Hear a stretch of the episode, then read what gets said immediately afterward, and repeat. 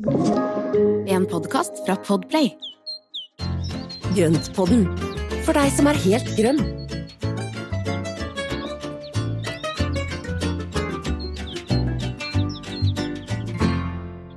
Hallo alle sammen, og velkommen til enda en runde med Grønnpodden. Hei Marianne, og hei alle sammen som hører på. Nå er vi tilbake igjen. Mm, veldig bra. Nå er det, altså jeg vet Ja. at dere har litt sånn ruskevær hist og her eh, når vi spiller inn, så all min sympati for dere. Eh, Sier du som sitter i strålende sol og blomstrende vet ikke hva. Ja da.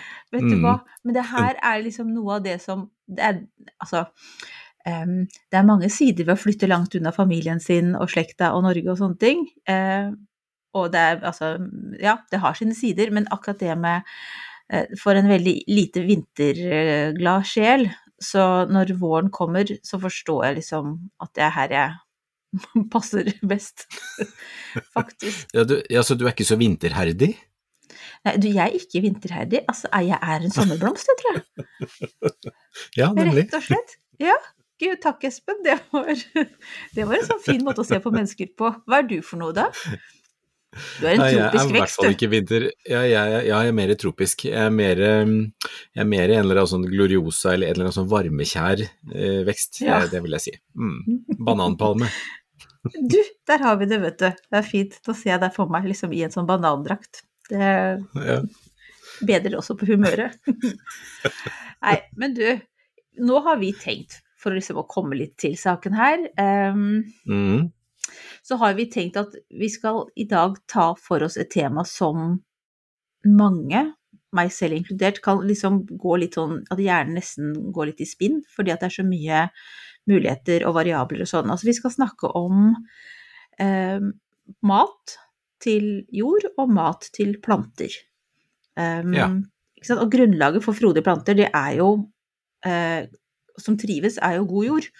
Og dette er en faktor som Mm. det er veldig mange som nedprioriterer. Man er jo mer opptatt av å se disse fantastiske georginene man kan få av en knoll og sånn. Um, og, og så er det kanskje litt det nettopp at det er litt komplisert å få til. At, eller man tror det er komplisert, fordi det finnes Mm. utrolig mye produkter på markedet. Og så har man også fått med seg at ja, noe er uh, fra naturens side, noe er kunst eh, produsert, altså kunstig menneskeprodusert, og så blir man litt sånn forvirra. Og så er det ulike typer Mm. til ditt og datt og tjo og hei. Eh, Men det er jo ikke til å komme fra at det er jo viktig for å lykkes med bed og busker og trær og plantekasser og krukker og sommerblomster og alt mulig, at, at, at utgangspunktet er god jord. Ja. Så i dag blir det et grunnkurs. ja. Espens grunnkurs i plantemat og jordmat. og så blir det ikke noe eksamen etterpå. Men jeg tenker jo det at hvis du eksamen, tar med oss Ingen eksamen. Men eksamen kan jo på en måte være at du faktisk bruker denne kunnskapen du nå får i dag, og prøver den ut hjemme hos deg sjøl. Ikke sant? At du mm. ser om du får noe nytte ut av det. Ja, akkurat de siste tida så har det vært veldig mye fokus på dette her med hagehold med lave skuldre, og at hage ikke skal ha noe Det skal ikke være noe jobb med hage. Hagen skal bli til helt av seg sjæl, uten noe innsats. Det skal liksom Alt skal bare på mystisk vis Skje. bare poff, så er alt sammen skje. Ja, alt er fint. Mm. Det er ikke helt sånn. Hage er litt sånn livsstil, og eh, jeg tenker at et ledd i å gjøre det enkelt er rett og slett å, å, å gjøre litt av det vi skal snakke om nå, og, og tenke sånn sirkulært på det som vokser i hagen. Er det en måte å si det på? Jo, det var, synes jeg var en veldig fint måte å si det på. Tenke helheten. Altså, nå er det jo jeg som har forberedt spørsmål og sånn, og så er jeg ikke, jeg er ikke 100 på at inndelingen er logisk, men jeg har, det er sånn som det føltes for meg som da eh, ikke kan det her sånn kjempegodt, og strever litt med Mm. å finne ut av det. Så jeg har delt opp sånn at vi først snakker om jordmat, og så tar vi plantemat etterpå. Er den grei? Ja. Jeg synes det er en veldig god, god inndeling, og så litt av det vi skal prøve å gjøre nå, er at vi skal prøve å ufarliggjøre det litt. Vi skal gjøre det litt sånn, forhåpentligvis litt mer, litt lett, mer lettfordøyelig. Ja. Og litt mer sånn forståelig hvorfor vi gjør det. Så derfor det Mm. første spørsmålet mitt er jo da på hvorfor må vi tilføre jorda næring? Fordi vi må se på jorda som, et levende, som en levende organisme, tenker jeg. Og det at eh, vi da tenker på at alt det mikrolivet som er i jorda, det er bakterier, det er meitemark, det er biller, det er småkryp, det er eh, masse mikroorganismer og, og ting som gjør at magien skjer i jorda, med, med både nedbrytning av plantemateriale, eh, det er sopp, ulike sopptyper som da er med på å bryte ned plantemateriale, meitemarken spiser gammelt plantemateriale, Eh, og det er alt dette som skjer nede i jorda, det er, det er liv. Og hvis vi, hvis vi, begynner å se på jorda som en levende organisme som da trenger mat, så kan man kanskje skjønne litt mer hvorfor vi må gi, gi mat til jorda. Og jeg blir, liksom, jeg blir litt sånn der, satt ut noen ganger når noen spør at må jeg kaste all jorda mi fordi at jeg, er den brukt opp? Altså jeg brukte jorda i fjor i krukker, må jeg kaste alt sammen, må jeg bytte den ut med ny?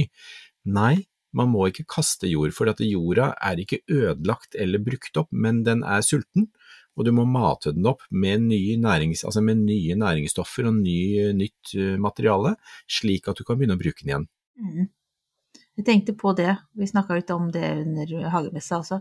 Uh, mm. Så jeg tok den jorda jeg hadde brukt på tomaten i fjor, i noen mm. krukker jeg hadde, og så samla jeg den i en svær sånn trau, og så tok jeg blanda inn uh, Hva var det jeg hadde? I hvert fall den derre biohomosen, humusen fra Biohumus, ja.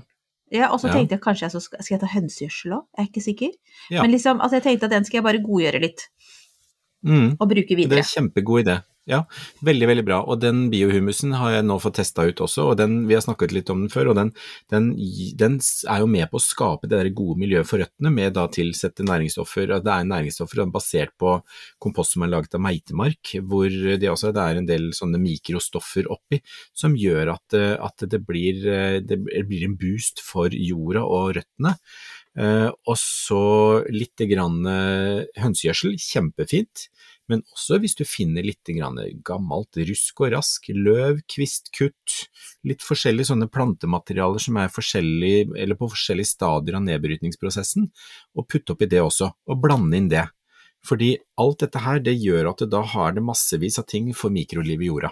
Ja, så jorda skal ikke se glatt ut. Den skal være litt bulkete og litt sånn uensarta. Den skal være litt Hva vil jeg Den skal være Hette, litt rufsete. Litt sånn, ja, litt rufsete, liksom. Litt sånn hulter til bulter. Mm. Og så er det sånn, eh, altså jeg blander jo, jeg har jo da i vinterhagen så har jeg da lagt ut voksduk over bordet, og så driver jeg og blander. Og der blander jeg litt avhengig av hva slags planter jeg skal plante. Og da har jeg base, er da en god krukkejord. Eh, og så blander jeg inn litt gammeljord. Og så blander jeg gjerne inn litt knust leka for å få mer, por, altså mer porøs jord og så tar jeg en neve hønsegjødsel, og så tar jeg litt biohumus, og så har jeg litt forskjellig, og så blander jeg dette sammen, elter det sammen som en svær brøddeig. Og det er jo sånn som eh, med da, altså bestemors og mors brøddeiger som du, som du egentlig, at det, det beste brødet som du får ut, og så spør du liksom hva er oppskriften, og da får man vite at nei, jeg tar litt av det, og så litt av det, og så kjenner du sånn, og så kjenner du sånn, og vops, så har du det beste brødet. Og Det er litt sånn som med jorda også, at etter hvert så blir du kjent med hva plantene liker, og på den måten så kan du da blande deg fram til ulike typer. Så eksempel eh, altså bladkaktuser da, som lever epifytisk oppe i, i, i, i, si, i grenfestene oppe i jungelen. Der er det veldig bare sånn bladmateriale som er løst, porøst. Da blander man sammen da, litt orkidéjord med litt jord, kanskje litt knust leka, vips så har du en veldig porøs blanding. Det er bra for dem. Så hvis man er usikker, så, så, kan man jo da, ja, da kan man jo tenke litt på hvordan har denne planta det i naturen. Mm. Hele tiden tenk tilbake, ja, tenk etter hvor de, det, hvor de, vokser naturlig, og så kan man da etterligne. Og, og der tenker jeg at vi, hvis vi da tilfører da nytt plantemateriale, nye næringsstoffer og ny, nye ting som mikrolivet kan leve av, så vil jorda kunne leve i mange, mange år. Mm. Ok, neste spørsmål. Hvilke typer mm. næring finnes det? Mange. Altså sånn i hovedtrekk, da. Men det er mange. Men hvis du skal liksom si noen sånne ho hovedtyper, da. Jo, i det meste av gjødselen som vi får tak i, så er det nitrogen, fosfor og kalium. Det er jo noen av de viktigste grunnstoffene som, eller næringsstoffene som ligger i mye av gjødselen vi, vi, kjøper, eh, og det er jo også basert på da, den kunstig fremstilte. Men eh, de påvirker litt forskjellige deler av veksten, så balansen mellom de, der, eh, der er det ganske store forskjeller på hvordan det påvirker plantene. Men eh, det er jo da, i tillegg så er det massevis av mineraler, sporstoffer eh, og forskjellige ting som, akkurat sånn som vi menneskene, vi trenger jo da karbohydrater og, og, og vitaminer, men så trenger vi altså aminosyrer og mineraler og sporstoffer og vet ikke hva. Så vi trenger jo egentlig alt mulig rart for å kunne, kunne vokse og være friske. Så det er jo liksom noen grunnelementer som må til, og i tillegg så er det en del annet som, som er som alltid hører med. Jern, bor osv. Ja. Og alt det her finnes altså da også i den naturlige gjødselen. Så det er ikke bare Mm. For jeg, sånn nitrogen også, det høres jo veldig sånn ut, dette lager vi på en fabrikk. Men det her er, Mm. finnes jo da i naturen. Ja, og det som er at det er jo veldig veldig mye av de altså gjødseltypene, naturlig gjødsel, der er jo alle byggestoffene fra, for det, det er jo organisk, eh, og dermed så er det jo organisk materiale som da er lettere å ta opp for plantene, og vil være mer naturlig mat for både jord og planter. Kan man kalle all næring for gjødsel? Er det en fellesbetegnelse, eller blir det feil? Det kan man vel, men i, sånn, eh, i utgangspunktet så kaller man vel gjørs... Jo, egentlig det, eller plantenæring vil jeg si da kanskje på det kunstige, men gjødsel er jo i utgangspunktet da eh, organisk okay. materiale. Rett og slett Mm, dritt. Ja, Ok. I ulike, ulike fasonger. Eh, så dyr, dyr, dyremøkk er jo, er jo alltid vært brukt, og det er jo, det er veldig vanlig. Hønsegjødsel, det er jo hønsemøkk som da pelleter, altså blir laget som pellets, og så bruker man det. Og, og det er jo ofte det man bruker. Mm. Så gjødsel er dritt, og kompost er jo også næring i det, men det er Mm. Ofte. Ja. Som regel så er det, så er det men det er jo nedbrutt, altså også Ja. kjøkkenavfall. sånn at det er jo både kjøtt og, altså Ja, ja. kjøtt og fisk og, Mhm, og sånne ting, men det er jo da brutt ned slik at det blir kompost. Eh, og så har man da også plantenæring, som da kanskje er mer kunstig fremstilt.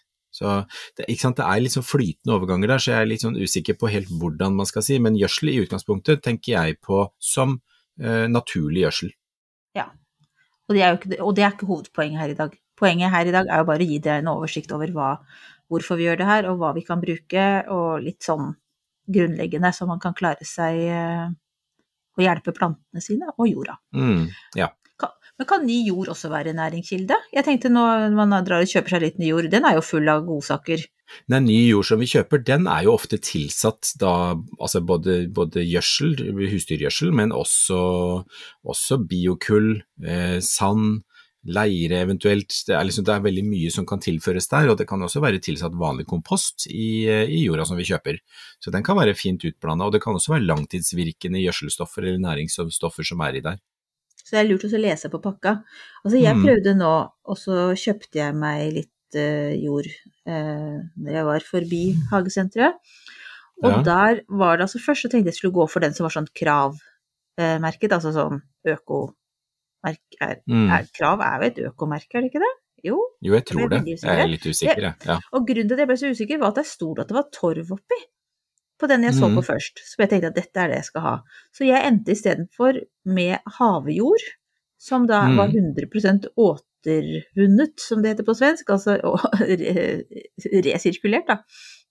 Ja. Eh, som jeg da tenkte kanskje var bedre. Jeg syns akkurat det her er litt vanskelig, men jeg tenkte i hvert fall at der er det i hvert fall litt er det i hvert fall bare hyggelige ting, sannsynligvis, og ikke den torva som ikke vi vil ha. Ikke sant.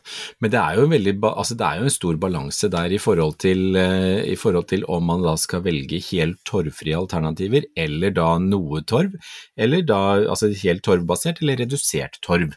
For det er jo, vi har jo snakket en del om dette med torv tidligere, og jeg vet jo Nelson Garden kommer nå med sirkeljorda si, som er liksom basert, eller den er jo torvfri. Og da har man da bruker ulike altså trefiber og en del andre ting som alternativ til torv, og den Ja. funker jo kjempefint. Ja. Ja, det, er, Eh, det er sånn så- den her er også er. Ja, ikke sant. Så da er det kompostert hage- og parkavfall, og du har eh, trefiber for å få For hvis, hvis du har bare ren kompostjord, så blir den ofte veldig tung og kompakt, så du trenger noe for å få inn strukturen, og der er jo torven egentlig grei, eller har vært grei å bruke, fordi den er veldig lett og porøs. Den holder jo på strukturen samtidig som den, som den da er lett å styre i forhold til næringsinnhold. Mens eh, det å ha da en helt torvfri alternativ, så må man jo tenke litt annerledes på hva annet er det som kan gi struktur, og hva er det som kan gi den luftigheten i jorda. Mm, ja, nei, for jeg tror i den her så er det, jeg føler som det er sånne små, små, små trebiter. Altså sånn Mm. sikkert rester fra, fra skogbruk, sånn Ja, skogbruk og tre, tre, treproduksjon.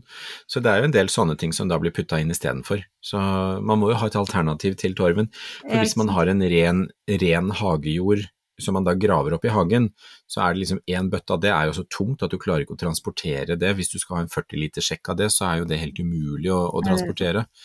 Så jeg vet jo den sirkeljorda til Nelson Garden nå kommer jo i 20 liter sjekker, og den, den er jo egentlig tung nok, så hvis du får den i, i, i 40 liter, så blir den veldig tung, fordi at det er et tyngre materiale i den jorda. Ok. Fra jord som næringskilde så har jeg da et spørsmål om hvordan vi kan finne ut hva slags næring som jorda trenger. Altså, du har et stykk bed, og så Mhm. skal du tilføre den et eller annet. Um, kan man liksom med enkle midler ta noe sånn kjenne på jorda, eller skal man da ta hensyn til plantene som, skal, som står der, eller som skal stå der? Altså, For de mest avanserte så kan man helt sikkert ta tester og prøver og sånne ting, men jeg ser for meg at det å bruke, altså, bruke plantene som indikator og se er det plantene, altså trives plantene, så funker det.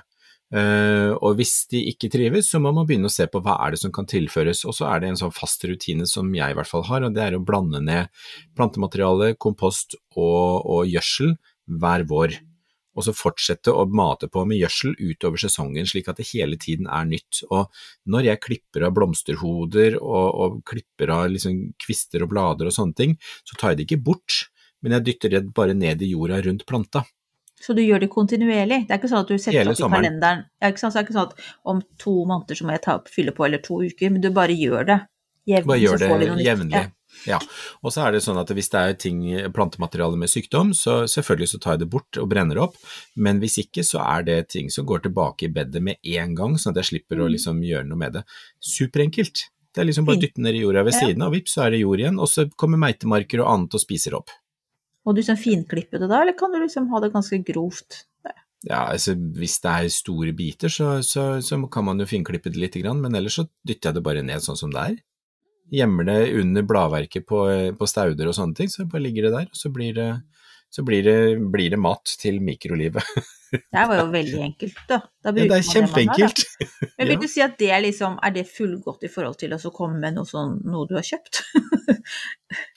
Eh, Jeg tenker kombinasjon, ja takk, begge deler.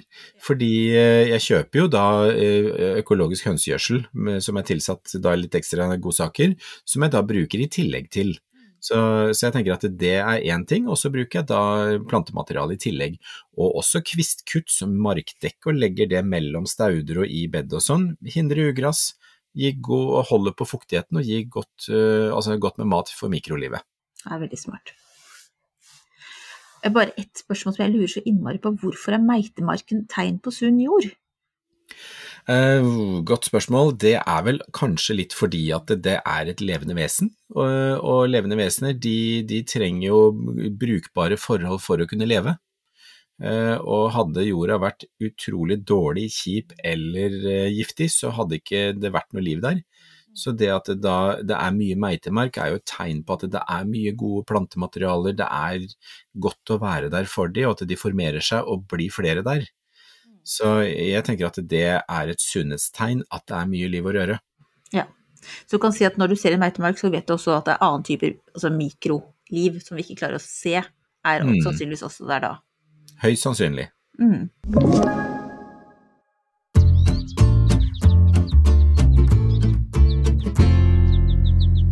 Du, skal vi bevege oss over til plantemat, da? Jeg føler at det er veldig sånn der eh, glidende overgang, egentlig. For det, du gir jo liksom næring til jord og til planter på en måte, ja, litt samtidig. Ja. Men nå har vi delt opp sånn, så da kjører vi på. Mm. Eh, og da er det første friske spørsmålet er da hvorfor skiller vi mellom næring til jorden og til plantene? Det gjør vi kanskje ikke? Var dette et falskt spørsmål? Ja, nei, det er litt falskt, for det er egentlig god jord. Altså, det har jo vi snakket mye om, Marianne. Eh, rot og topp henger alltid sammen. Så for at plantene skal ha det bra, så må jorda ha det bra. Det må være en, en god, næringsrik jord som er tilpassa de plantene som skal vokse der. Og er det det, så er det næring også til plantene. Mm. Men jeg tenker sånn som når jeg driver med denne agurkgardinen min, så gir jeg den jo Mm. sånn alge... Jeg husker ikke hva det heter for noe, men det er i hvert fall næring. Algenæring? Algebasert næring. Mm. Uh, Ja. Er det, og det, det ser jo ut til at det gjør susen, for jeg får jo Mm. masse agurker. Er det Ja. da Kan man da si at det er liksom er litt plantemat? Går den veldig på Ja, det er, prestasjon ja, til planta? det er i høyeste, i høyeste grad, for at der har du en, en, en tilpassa gjødsel som da, eller nær plantenæring, som da eh, virker som er basert på naturlige ingredienser. Eh, og så vil den da gi både liv Altså i krukker så er det jo begrensa hva vi har av mikroliv og, og omdannelse av plantestoffer, men, uh, men jeg tenker at da har jo planta det den trenger, og da vil jo da jorda i større grad være et sted hvor den har røttene sine og fikser og ordner, så får den alle de næringsstoffene som den trenger der. Og i et gartneri så er det veldig ofte at vi får pottene, altså når vi får planter fra gartneriet, da, at det ofte er pottene veldig små og tettfylt av røtter, og da har jo plantene levd under veldig optimale forhold med akkurat den riktige balansen av næringsstoffer og sånn for å få kjempefin vekst. Eh, og når de da kommer hjem, så trenger de kanskje å få en ompotting til større potte med mer jord for å få en mer normal vekst, og ikke så hurtigvoksende. Og så er det jo veldig mye, som jeg har sagt, veldig mye type næring på markedet. Mm. Mm. Og så snakket du om fosfor og, og var det nitrogen? Ja, NKP. NKP.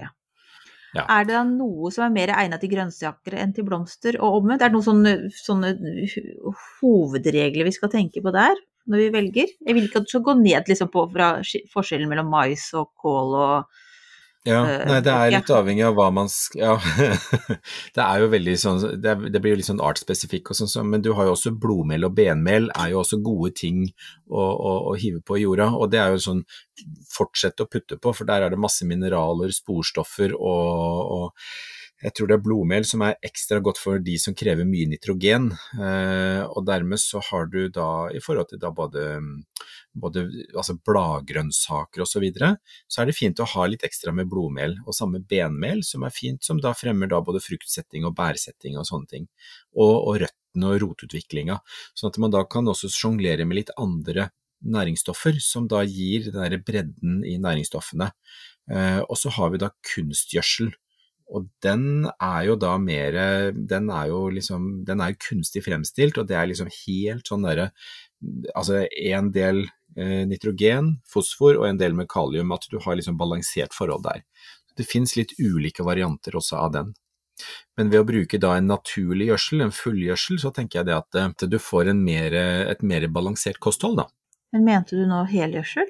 Helgjødsel, så Mhm. får du mer balansert kosthold, slik at du Du da får mer Ja, kan du se, det er så fort å gå vill i Ja, de navna. Ja, det er det. Nå det er skal vi se.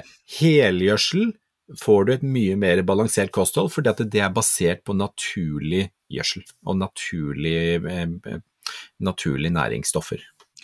Er det sånn at man skal begynne sesongen med en viss type næring eller gjødsel, og så skal man bytte over til noe annet seinere, for da er blomstene eller plantene i en annen fase av veksten sin? Det er der jeg syns det begynner å bli veldig komplisert, hvis det er sånn, for da kjenner men jeg det orker helt.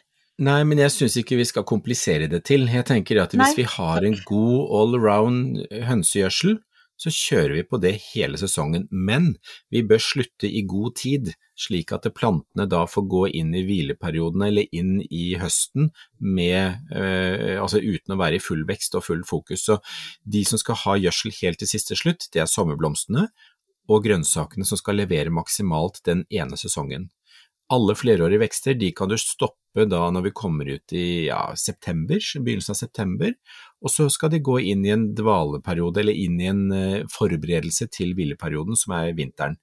Og i den perioden så er det jo også mye mer utvikling på røtter, for da har de første delen av året så vokser de opp med bladverk, og så siste delen av sommeren, mot høsten, så vokser røttene ut på, ba på bakgrunn av at de klarer å samle mer næring fra bladene.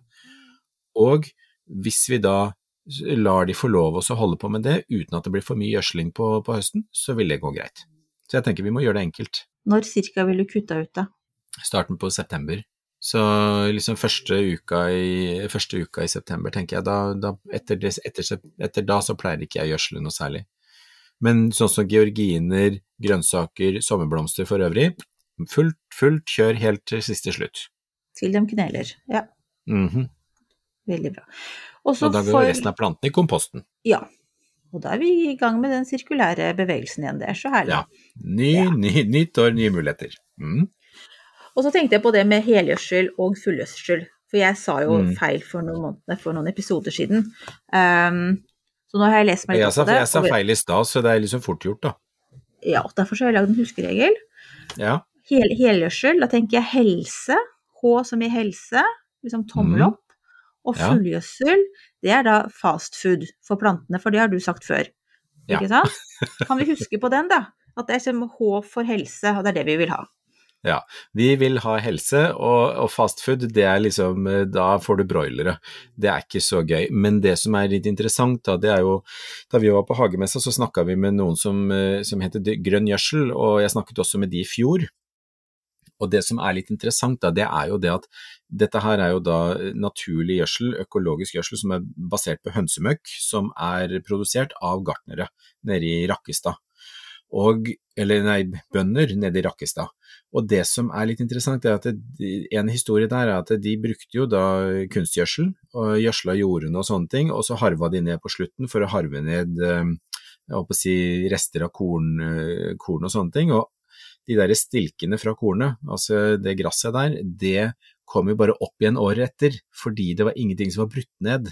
Og det er jo fordi at de da har gjennom år så har de gjødslet med kunstig gjødsel, og da ødelegges mikrolivet i jorda, sånn at det er ikke noe som skjer, det brytes ikke ned. Plantematerialet som kommer ned i bakken, det fortsetter å være der, og så bare drar man det rundt, og så, så, så blir det ikke noe greie på det. Men i det øyeblikket de begynte å gjødsle med naturlig gjødsel og naturlige næringsstoffer, så begynte ting å skje, og da, da var det slutt på at det da det gamle kornet og brasket kom opp igjen. Jeg syns jo det er fantastisk, jeg ja, det er et veldig godt eksempel på forskjellen. Mm, og da får man jo, ja, og da spiller man jo på lag med naturen, mm. og får naturen til å jobbe og bryte ned sånn som det er ment fra, fra, liksom, fra skaperverket. Jeg syns det er ja, synes, ja, nei, dette her er bra. Veldig bra. Til slutt, er det noe vi skal unngå når det gjelder å gi plantemat og jordmat? Er det et eller annet noe som altså, er kunst, kunstig næring, er det det vi ikke vil ha? Altså Selvfølgelig, kunstig, kunstig gjødsel er også til sitt bruk. Jeg bruker det innimellom på plen. Eh, fordi jeg tenker at det er når det skal regne, at det da, at det da hiver på litt grann et par ganger i løpet av sesongen. Eh, og det handler egentlig litt om at jeg har ikke lyst til å kaste ut hønsemøkk på plen. Fordi jeg har to hunder som kommer til å snuse det opp, og de spiser opp. Og ja. det syns jeg er ekkelt. Ja. Så rett og slett, det er rett og slett sånn Ja, det er ikke noe, er ikke noe gøy. Så Derfor så tenker jeg at jeg bruker litt kunstgjødsel på, på plen, eh, men jeg tar jo alltid og lar gressklipp og sånn ligge igjen. Lar det liksom få lov å ned i, gå ned i plenen og, omdannes. Så, også, så, det er mest mulig naturlige prosesser der også. Eh, og så tenker jeg det at vi skal unngå å legge, hvis du skal bruke kunstgjødsel, så pass på å gjøre det når det skal regne eller vannes godt, og ikke legg det i nærheten av stilker, stammer, og, og tett oppå røtter, fordi at det er, har en tendens til å svi av røttene og ødelegge stilker og sånne ting, og ødelegge blader hvis de blir liggende på blader. For at dette er sterke saker. Så kanskje mer, mer naturlig gjødsel, tenker jeg. Det skal, vi, det skal, vi, si ja til. Men kan vi da si sånn oppsummert at uh, med helgjødsel er du ganske trygg? Mm. Og kan man kan ta for mye? Ja, du kan overdosere der også, uh, og det er jo egentlig Man må jo bare lese på forpakningen og så, og så ta det som, det som, skal være. og så Det er bedre at man da gjødsler jevnlig utover istedenfor å ta de der skippertakkene og bare våren, og så er det kommet langt utpå sommeren, å filler'n, nå må vi gjødsle igjen. Nei, sett av liksom tidspunkter hvor man legger på litt gjødsel, sånn som i krukker og sånn. Så tar jeg en liten sånn spiseskje, og så bare drysser jeg på noen korn på krukker og sånne ting utover sommeren, og det gjør jeg kanskje en gang i uka. Og dermed så de, får de næring ved van, hver vanning. Det, nå føler jeg at jeg kan litt mer, i hvert fall litt roligere, litt lavere skuldre. Eh, bra, og hønsegjødsel, det er liksom, har jeg veldig god erfaring med, så jeg tror jeg kanskje fortsetter med den, jeg. Fortsett med den.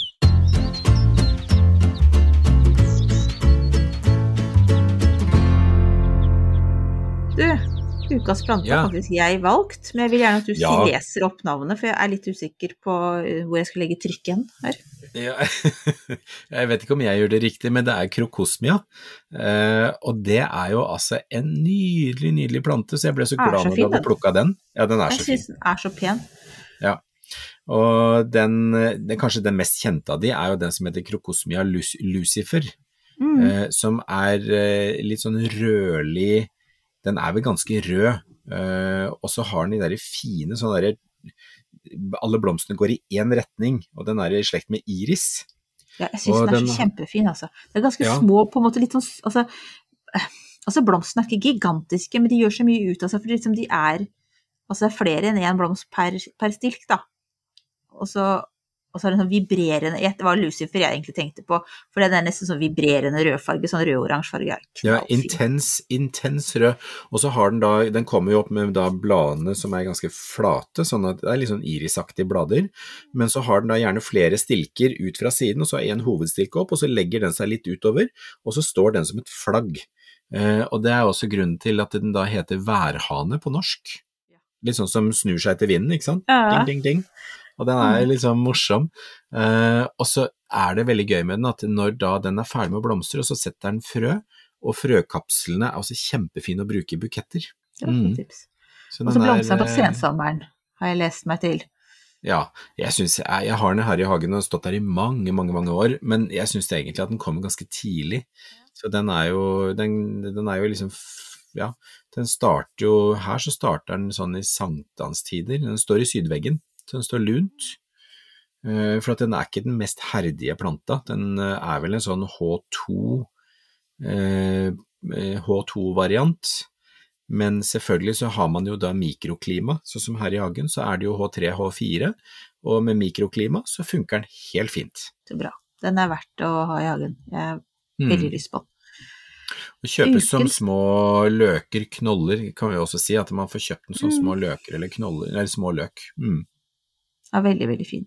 Jeg har, ja, jeg forstår ikke hvorfor jeg ikke kjøpte med meg forrige helg. Vi var Nei, der du vet. Men det var fordi at jeg trodde jeg skulle ta jeg trodde jeg skulle ta toget til Sverige, og så fikk jeg skyss istedenfor, og det var Ja. veldig hyggelig. Men du sto og holdt inn.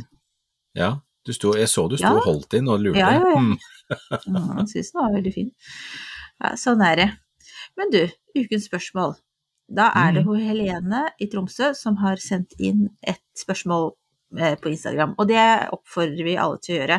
Eh, bare ta fort det med Instagram, at vi har ikke egentlig mulighet til å svare på alle spørsmål som kommer inn der, altså å svare i DM der sånn. Vi gjør det eh, når vi kan, men altså, det er eh, han, han, han eksperten, han er litt busy. og det er ikke alle spørsmål som jeg Det er litt hektisk nå. Og det, Ja. Men det, jeg kan love at det blir bedre. Eh, Ja. Det er en plan om at det skal bli bedre. Men jeg tenker uansett at vi kan si det som så, at send gjerne spørsmål, for vi har jo jevnlige spørrepodder, og vi har jo alltid Mm. ukens spørsmål. Så Ja. eh, høyst sannsynlig får du et svar, men du kommer sannsynligvis ikke til å få liksom, svar der og da på Instagram. Så, så sånn er det bare. Eh. Men i hvert fall Helene i Tromsø har lyst til å beskjære Mhm. noen høye seljetrær, men hun lurer på om det er for sent å gjøre det nå. Hun syns med beskjæring er litt forvirrende. Og så sendte Ja. hun over noen bilder, og det er fortsatt snø på bakken. Ja, og det er eh, Altså, selja er jo ikke noe problem. Jeg tenker at akkurat nå så kan man egentlig beskjære og holde på, det går helt fint. Eh, Så det er ikke noe problem. Selja den er jo veldig robust, tåler det meste, og, og den kan jo klippes både nå og senere. Så det å klippe den nå gjør jo at den da får eh, litt kraftig tilvekst når da våren kommer ordentlig, og så vil den da skyte helt fra starten av der du ønsker det. Så det å ta den nå, og så kan man eventuelt ta og stusse den igjen sånn midtsommer, tenker jeg kan være lurt hvis du vil holde den litt nede. For det som er at hvis, hvis man klipper den nå på vinteren, eller nå på vinter-vår, så vil eh, planta prøve å kompensere for den der bladmassa som er borte fra i fjor. Og da vil den bare bli helt bananas med nye skudd. Mm. Hvis når man tar det i jazzmånedene, så reagerer den på en annen måte. Da blir den mer Ja. stående der den er. Mm, for da får den tid til å eta- akseptere at den er blitt snaua ned. Ja, rett og slett. Det er litt sånn, ja. Ja. Men du, skal vi ta, nå skal vi snart si takk for oss, men jeg vil bare ha en liten oppdatering på hva du holder på med sånn eh, hagemessig for tiden. Hagemessig så har det vært altså et eh, Ja, vet du hva, Absolut, apropos hagemessig. I dag så oppdaget jeg at det er en av koiene som døde. Så det var veldig Å, trist. Så det er ikke en av de som, eh, som var kjente og sånn, men den, denne her har, eh, den har skranta litt de siste to-tre årene, så jeg, har jeg sett at den har vært litt sånn tufs. Og så har den kommet seg igjen, og så har den blitt dårlig, eller så har den vært litt sånn lunken igjen, og så har den kommet seg igjen. Så jeg har tenkt at dette her er bare forbigående. Men i dag så lå den med buken i været. Så det var, eh, det var litt trist. Så Ja. så det er en av de, men samtidig, det er jo noe som kan skje. Eh, For er jo, de er jo levende liv, og det er jo ting som kan skje med dem også. Vet, hva vet jeg, at en kan ha fått en eller annen sykdom som ikke man ser. Eh, Men i hvert fall da, så, så er, den, eh, er den nå borte, og det som da er gjort, jeg har vaska filteret skikkelig og rensa ordentlig, bytta vann, gjort ordentlig, sånn i tilfelle Ja, for den eh, Jeg kikka der for to dager siden, og da var det ikke noe galt. Så, så jeg har tatt og rensa og gjort alt sammen klart. Men jeg har også rensa dammen ute, så nå er det like før den skal kobles i gang igjen og få i gang både filter og systemet, sånn at fiskene skal forhåpentligvis komme ut sånn ja, om en 14 dagers tid. Uke 14 dager, litt avhengig av været. Altså I dag så snødde det jo igjen, så det vet da søren, ja. Det er jo Denne våren lar vente på seg. Ja, gud a meg. 1. mai når vi ja. spiller inn nå, det er jo helt tullete det her sånn. Ja. Altså er, eh, så, det, så sånn sett så er det egentlig Akkurat nå så går det litt i fiskenes tegn. Ja. Mm. Mm. Fokusfisk. Ja. Det Men det er hyggelig. Det er bra, det. Ja, det er fint, det. Det er jo et vårtegn for deg. Ja, det er det, altså. Men du da, Marianne, hva gjør du? Bortsett fra å nyte sola og våren og sånn? Ja, altså, jeg har da potta om eh, oksalisen. Det Det Ja. var så mye knoller og sånn. Altså, det ble fra én potte, så tror jeg det ble fem. Ja, men det blir fort veldig mange, altså. Det var sånn, hva? Hva? Det er som bare bladde meg gjennom på en måte i jorda, så bare mer og mer. Så det var veldig Ja. gøy. Eh, Så det har jeg gjort, og så driver jeg og følger med på disse tulipanene som nå begynner å komme opp. Jeg har jo satt sånne staur, jeg, ja, i form av, eh, av eh, greiner og sånn som jeg har klippet av litt hist og her, og satt rundt. Jeg skal Ja. bare liksom, det er mitt lille eksperiment, jeg gjør det for oss alle, for å se om dette kan holde rådyr unna. Vi får se om det går. Så det Ja. gjør jeg. Og ikke minst så har jeg vært en tur opp i en sånn herlig sånn øh, skog, eller hva vi skal kalle det, sånn liten helling inni en skog eh, i nærheten her, og plukka en haug med ramsløk. Det var Oi. så herlig. Ja. Så det har jeg laget pesto, og spiser pesto så det tyter ut av øra på meg. Og det er Elsker det. deilig. Ja, Ja. herlig. Veldig fint. Så bra. Ja. Det er morsomt. Du vet, jeg har faktisk jeg har én ramsløk. Det er jo ikke akkurat de store mengdene med pesto det blir, men det er jo én en eneste ramsløk. Og den hadde altså i, I fjor så hadde den blomst, og i år så er det altså der hvor tydeligvis frøene har falt ned, så er det nå en bitte lita gruppe med sånne ettblads ramsløkblader opp, så jeg har en liten gruppe ramsløk. Ja, Ja, men det er jo det er helt fantastisk. superstas. Ja. ja. Så den eh, Jeg oppdaga det bare for et par dager siden, at filleren fylleren der var Det så, så at det var blader som så helt annerledes ut enn alt annet. Og så Mm. så jeg da avstanden fra morplanta, at den, eh, det var nok der blomsten hadde landa. Eller frøkapselen hadde landa. Mm. Jeg har et par som jeg har planta, for jeg tenkte at det her sprer seg sånn. Jeg må si det går litt tregt, da. Det er derfor jeg stikker til den skogen istedenfor. i Ja, det skjønner jeg. Altså, det tar tid å få dyrka opp disse her, altså, for dette her er jo Ja, den ene blomsten den har jo stått der nå i kanskje tre år, og så ble det nå i år, så ble det flere. Så får vi se, da. Kanskje jeg skal flytte de litt rundt over, utover. Ja, det kan du gjøre. Men de er jo så fine, da. Ja, de er kjempefine, og det er vårtegn. Veldig gøy. Og så føles det litt sånn eksotisk også, på en eller annen måte. Ja, ikke sant? Mm, det liker vi. Du, Ja. da, nå tenkte jeg vi skal runde av, Espen. Eh, Du Ja. har ting å gjøre. Jeg er på vei til å bli forkjøla, så jeg skal ta meg noe sånn deilig te og litt sånn. Og pakke mm. meg inn. Ja, Gjør det. Men hva skal vi vare på deg sjøl. Jeg, tar, jeg skal ta vare på meg sjøl. Altså, Ja, jeg er bra. tenkte vi skulle fortsette med litt sånn fornuftige råd, jeg. Ja. Jeg syns det temaet i dag var veldig sånn håper jordnært og, og konkret. Så vi finner vel på noe Vi pønsker ut noe Ja, Ja, vi vi må lage litt noe. litt riktig rekkefølge, men ting som er greit også å, å gå gjennom nå på starten av Mm. sesongen, tenker jeg liksom skal være den røde tråden. Det tror jeg er en god plan. Yes. Skal vi si Men takk for oss, da? Ja, det skal vi gjøre. Tusen takk for i dag, og takk for at dere henger med alle sammen. Og så høres vi gjennom en uke. Det gjør vi. Ha det bra! Ha det!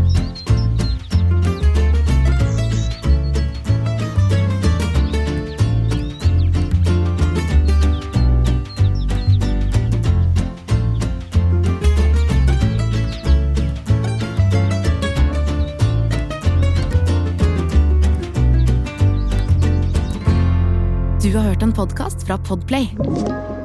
En enklere måte å høre podkast på. Last ned appen Podplay, eller se podplay.no.